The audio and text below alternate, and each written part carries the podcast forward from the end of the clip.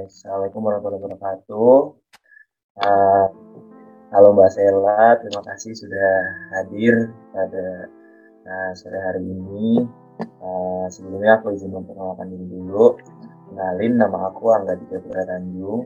Aku biasa dipanggil Tanjung, aku dari Teknik Geologi Angkatan 2021. Mungkin dari Mbak Sela bisa perkenalan diri juga biar teman-teman semua pada tahu nih Mbak. Baik, perkenalkan nama aku Graciela Lestari. Aku dari Teknik Geologi Angkatan 2020. Baik, Mbak. Jadi, uh, oh iya, kalau boleh tahu Mbak Sela asal daerahnya dari mana Mbak? Aku dari Purwokerto, Jawa Tengah. Oh, dari Purwokerto. Oke, aku dari Purwokerto. Jadi, uh, gimana nih Mbak kabar setelah Mbak Sela sudah melewati serangkaian perkuliahan di semester 4 yang sangat wow ini. Mungkin Mbak Stella bisa ceritakan nih gimana uasnya, praktikumnya mungkin susah atau menurut Mbak Stella gampang atau gimana gitu. Kalau buat aku praktikum yang semester 4 ini agak beda ya karena ada yang namanya informasi manajemen data. Nah di situ tuh benar-benar pakai software yang kita tuh baru belajar dari nol banget. Oke, untuk kesibukan Mbak Sela sendiri untuk kayak kondisi libur kayak gini gitu, kayak Mbak Sela ngapain nih Mbak? Untuk organisasi atau mungkin ada part time? Kalau kesibukan di geologi ya, kalau pas nggak liburan tuh ya aku ada organisasi sambil nyambi kerja part time Oke, kalau boleh tahu tuh kerjanya tuh apa tuh? Aku di situ sebagai copywriter. Oh iya Mbak, uh, BTW denger aku tuh kemarin uh, sempat dengar katanya Mbak Sekarang sempat ada gejala penyakit meningitis ya kalau nggak salah Mbak. Apakah benar itu Mbak? Iya betul itu tuh sebenarnya gejala meningitisnya tuh sebelum jauh sebelum aku masuk kuliah. Oh jadi pas Mbak Sela masih SMA mungkin yang bisa dibilang itu mungkin uh, bisa diceritakan tuh Mbak dulu tuh Mbak Sela uh, sakitnya itu seperti apa terus kayak ada cerita-cerita yang menarik kan dari Mbak Sela pas um, kena penyakit itu sampai sekarang bisa sehat gitu Mbak.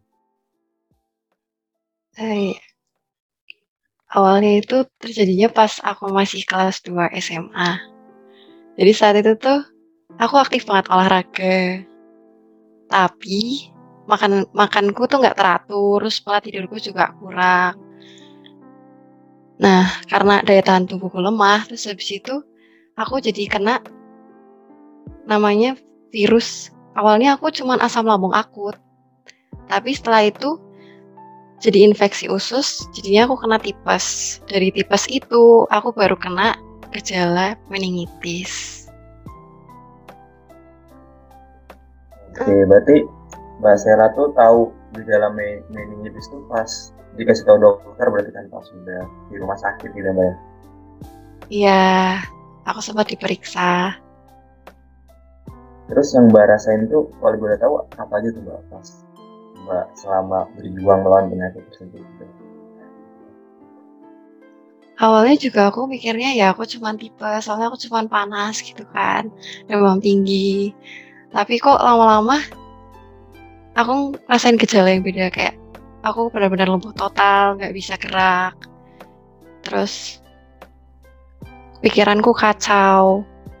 Pikiran kacauku tuh sampai aku nggak bisa apa nggak bisa mikir kayak manusia pada umumnya. Kalau manusia pada umumnya kan mikirnya kenyataan ya, tapi kalau misalkan aku tuh udah sampai halusinasi, jadi itu separah itu.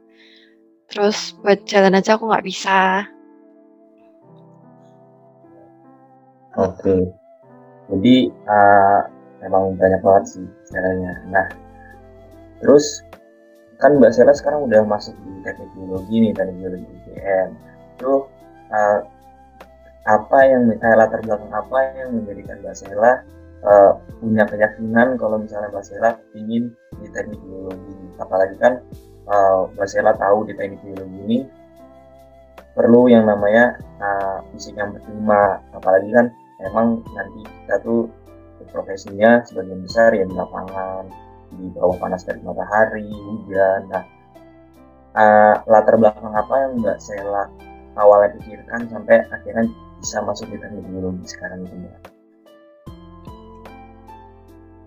Awalnya karena aku punya penyakit kayak gitu aja, aku tuh nggak nggak kepikiran kalau aku bakal masuk geologi UGM tuh nggak kepikiran sama sekali. Buat menerima kenyataan aku ketertinggal SMA aja itu susah.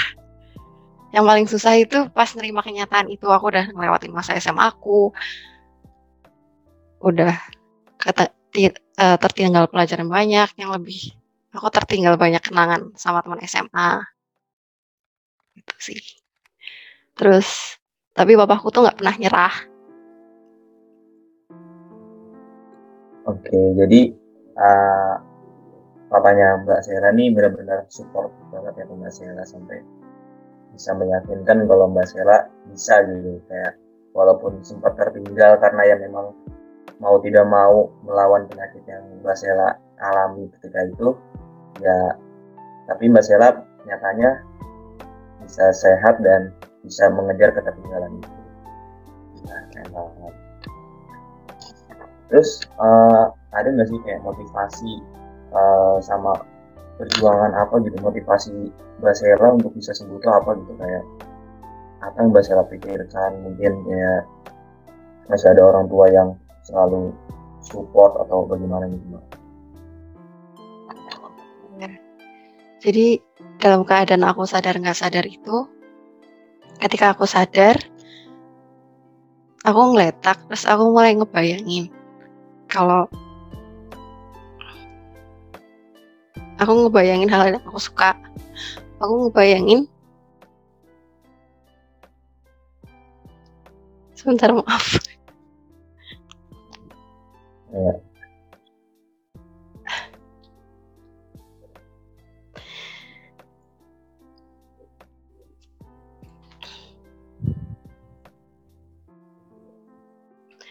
Aku ngebayangin orang tua aku.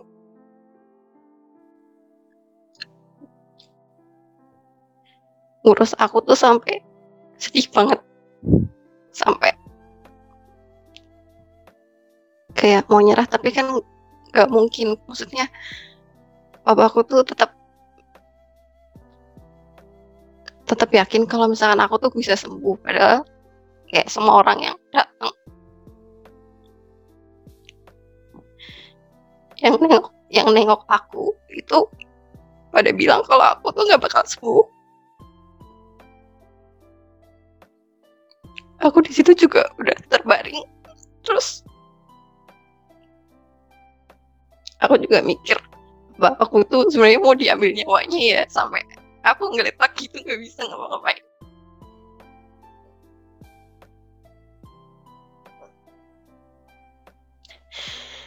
tapi di situ aku udah ya udah ya udahlah aku pasrah aja. Ya udahlah. Kalau misalkan aku tertinggal SMA ya udah. Papaku juga bilang kalau misalkan pendidikan tuh ya pendidikan ya itu hanya pendidikan kamu bisa sekolah kapan aja. Papa aku selalu nenangin kayak gitu.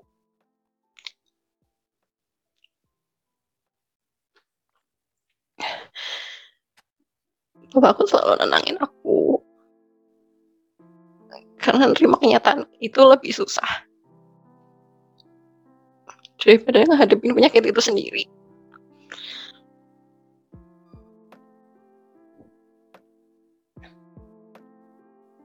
Ini uh, emang benar-benar perjuangan yang sangat luar biasa. Ya aku sampai sekarang itulah yang bikin aku kayak masih bersyukur masih diberikan kesehatan. Ya, banyak orang-orang yang uh, ingin sehat lah tapi apa pun itu kan udah tinggal cerita Mbak Sela. Sekarang Mbak Sela udah lebih kuat lagi Mbak Sela udah uh, bukan yang dulu lagi Mbak Sela sekarang udah lebih next level dan intinya tetap semangat terus buat Mbak Sela.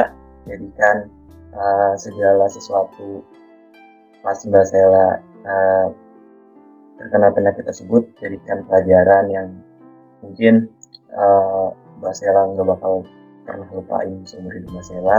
Yang nantinya Mbak Sela menjadi pribadi yang lebih baik lagi. Lebih bersyukur atas nikmat yang diberikan oleh uh, Tuhan gitu. Jadi intinya semangat terus Mbak Sela. Iya. Terus aku pengen nanya ini Mbak uh, dari penyakit itu tuh ada nggak sih efek uh, yang mempengaruhi di kegiatan biologi basela itu sendiri. Kayak uh, masih ada uh, apa ya sisa-sisa jejak dari penyakit tersebut yang uh, mempengaruhi kegiatan basela di biologi kalau sekarang aku udah sampai semester ini aku syukurlah aku nggak ngerasain sisa-sisa dari penyakit itu sih. Aku malah ngerasa sembuh total. Terus aku jadi lebih aware sama kesehatan. Ya aku udah walaupun aku kerja sambil kuliah tapi aku tetap mikir kalau misalkan pokoknya aku pokoknya sehat dulu. Karena kalau misalkan aku sakit ya aku nggak bisa ngapa-ngapain aku nggak bisa memperjuangkan apa pun. Tapi kalau misalkan aku udah sehat dulu itu tuh kayak modal dasar banget buat orang semangat buat orang bisa ngejar impiannya. Mm -mm, terus mbak Sela tuh waktu uh, sempat ini kan kayak udah sadar terus kayak cara mbak Sela buat bisa sampai sekarang ini kayak gimana sih mbak? Kayak misalnya mbak Sela uh, lebih menjaga pola makan atau kayak gimana gitu mbak? Kalau saat itu bisa sampai sekarang ini ya, bisa sampai masuk geologi ya maksudnya. Iya mbak, jadi sampai sehat, benar-benar sehat sekarang itu ada nggak sih langkah-langkah yang mbak saya lewati untuk kayak bisa dibilang uh, uh, kembali ke kesehatan mbak Sela yang tadinya kan sempat drop banget sampai sekarang uh, sehat lagi gitu ya. Oke, jadi pemulihan itu kan panjang banget masanya. Ya. Dari dari aku belajar jalan lagi, aku belajar ngomong lagi, itu bisa dibilang itu satu tahun sendiri buat sembuh total.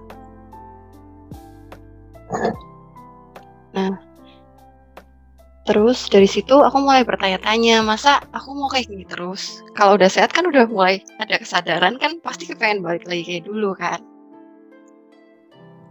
Masa aku kayak gini terus nggak kuliah nggak apa gitu kan. SMA aja nggak selesai. Mau jadi apa aku gitu aku mikir.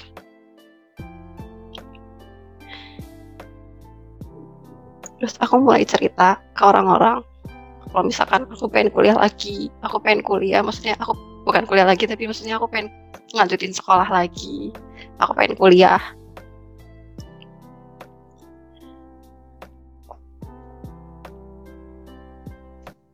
Terus aku sempat mikir juga gimana caranya orang yang udah tertinggal SMA itu bisa ngejar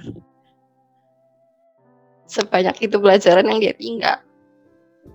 Terus aku mulai nyari-nyari ada nggak sih orang yang kayak gitu? Ternyata banyak di Google tuh. Maksudnya banyak banget orang yang bisa menginspirasi kita tuh.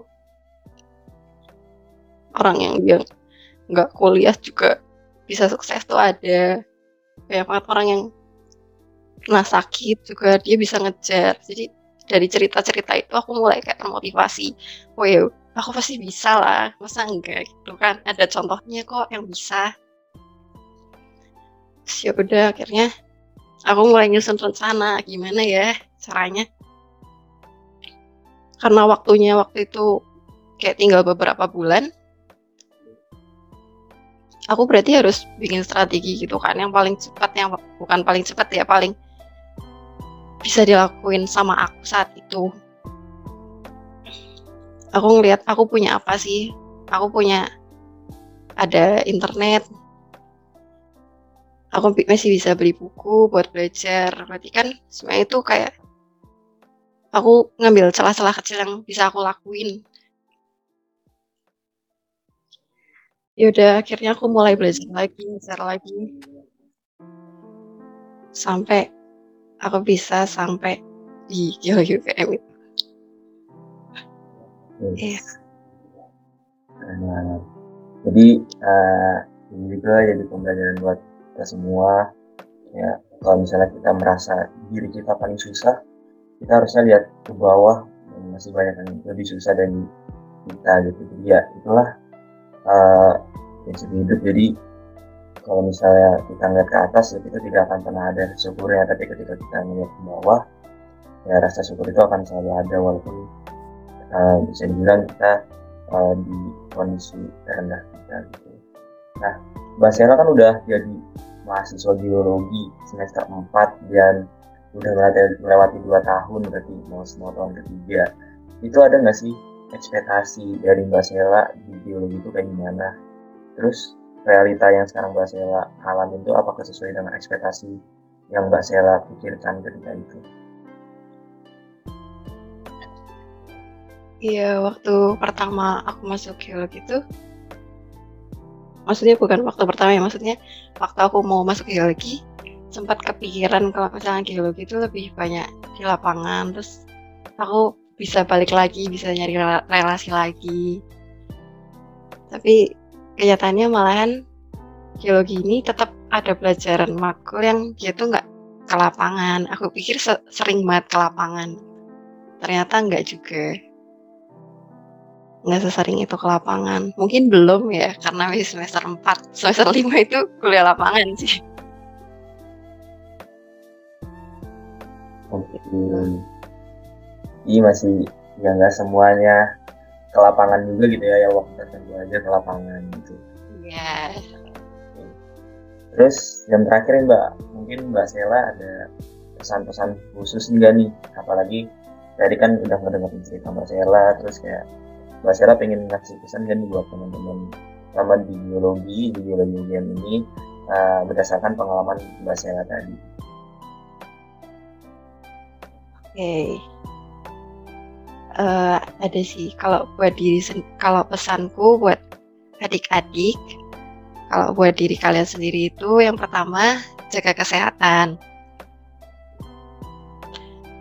itu penting banget yang kedua kalau udah sehat nih, kalian punya waktu kan. Waktu kalau misalkan kalian punya kegiatan, kalian harus nentuin mana yang paling prioritas buat kalian.